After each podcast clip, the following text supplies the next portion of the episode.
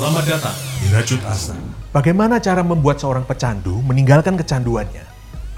Bagaimana cara mengajarkan seorang budak caranya menjadi raja?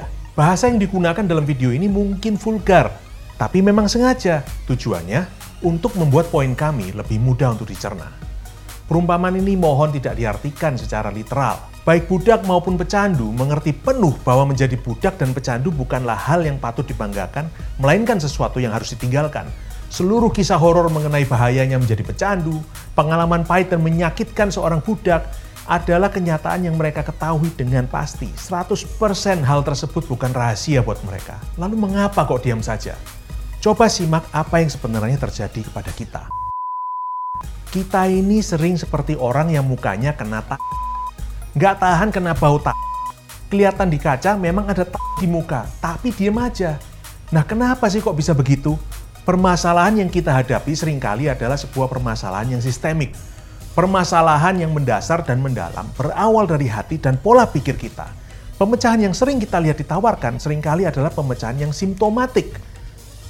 Melanjutkan contoh di atas tadi, permasalahan utama kita tadi adalah pola pikir bahwa kita harus bisa menerima ketidaknyamanan hidup memang nggak bisa wangi terus-terusan. Jadi ya kalau ada bau-bau tak, ya diterima aja. Nggak perlu dirubah. Kalau mau merubah itu artinya nggak mengucap syukur. Disyukuri aja apa adanya. Bersyukur itu harus, tapi berusaha itu wajib. Berusaha maju memperbaiki kondisi bukan berarti tidak bersyukur.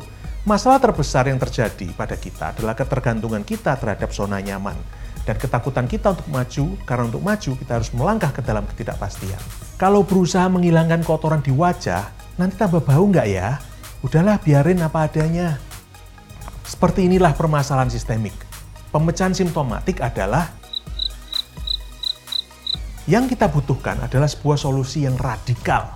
Permasalahan yang kita hadapi ada dalam beberapa front Poin berikut disatur dari pembicaraan dengan Dr. Matthew Blaylock. The hero must take action or all of his previous efforts will be in vain. In the case of an Yang pertama, mindset, pola pikir. Cara kita melihat dunia akan menentukan bagaimana kita melangkah dan bertingkah laku. Kemajuan dan kebangkitan, pemecahan segala masalah harus diawali dengan kesediaan untuk maju, kemauan untuk memecahkan masalah. Kedua, skill set, keterampilan, ilmu pengetahuan, pendidikan, baik kejuruan maupun akademis, masuk dalam hal ini. Mau maju aja nggak cukup, perlu tahu caranya maju. Ketiga, toolset alat sarana prasarana untuk maju. Sudah tahu caranya maju, tapi tidak punya sarana untuk maju juga nggak ada gunanya. Jadi, pemecahan terhadap permasalahan yang kita hadapi hari ini tidak akan dapat terjadi bila dilakukan secara parsial. Pemecahan untuk masalah sistemik harus radikal, holistik, dan fundamental. Ini visi Rajut Asa. Gede banget kan mimpinya? Kabar baiknya, kita tidak harus melakukan ini sendiri Inilah pentingnya kolaborasi. Ubah mindset, tingkatkan skill set, dapatkan toolset. Mari bersama berkolaborasi.